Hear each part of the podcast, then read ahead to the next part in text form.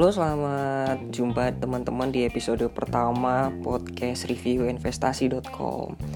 Tralalala. Nah, eh, di podcast perdana ini perkenalkan dulu nama gue Yuknan Adisa Songko.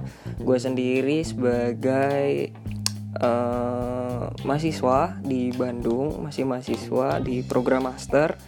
Uh, part time jadi mahasiswa, full time jadi pengusaha. Nah, di kesempatan gue yang rada luang sambil ngerjain tesis ini gue mau sedikit uh, review uh, tentang investasi yang kebetulan uh, gue juga minat di investasi-investasi yang lagi booming di Indonesia lagi banyak.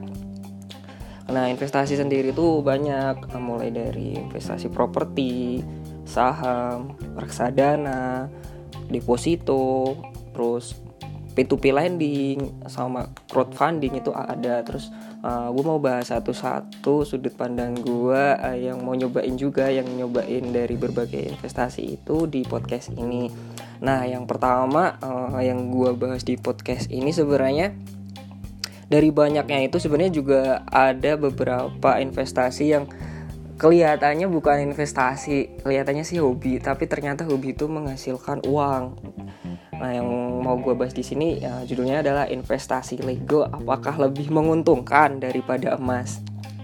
Nah, uh, dari dari data di Deutsche Well yaitu situs di luar negeri sebenarnya uh, Lego Lego yang biasa buat mainan itu tuh ternyata kenaikan harganya itu naiknya nyampe 12% setiap tahun Nah gokil nggak tuh? Nah dan ini tuh ternyata udah 15 tahun terakhir naiknya tuh 12 persen dan itu pasti lebih gede daripada deposito bahkan lebih gede daripada emas.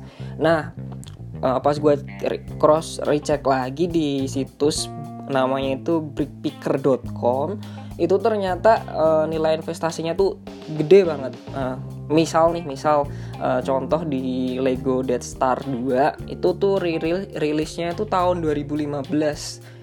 Uh, pas dirilis itu harganya kisaran 5,4 juta lumayan sih buat beli mainan sih Terus sekarang di tahun 2018 harganya itu jadi 33,1 juta. Udah berapa kali lipat itu coba. Nah, kalau misalnya ada lagi nih contoh uh, ada uh, seri Lego Ultimate Collectors Millennium Falcon. Nah, itu tahun 2007 itu 6,9 juta harganya. Nah, sekarang jadi 54 juta. Gila nggak tuh? Jadi uh, dari dua contoh Lego itu aja yang bisa buat pajangan sih sebenarnya buat mainan aja sih. Ternyata untungnya sampai berapa kali lipat.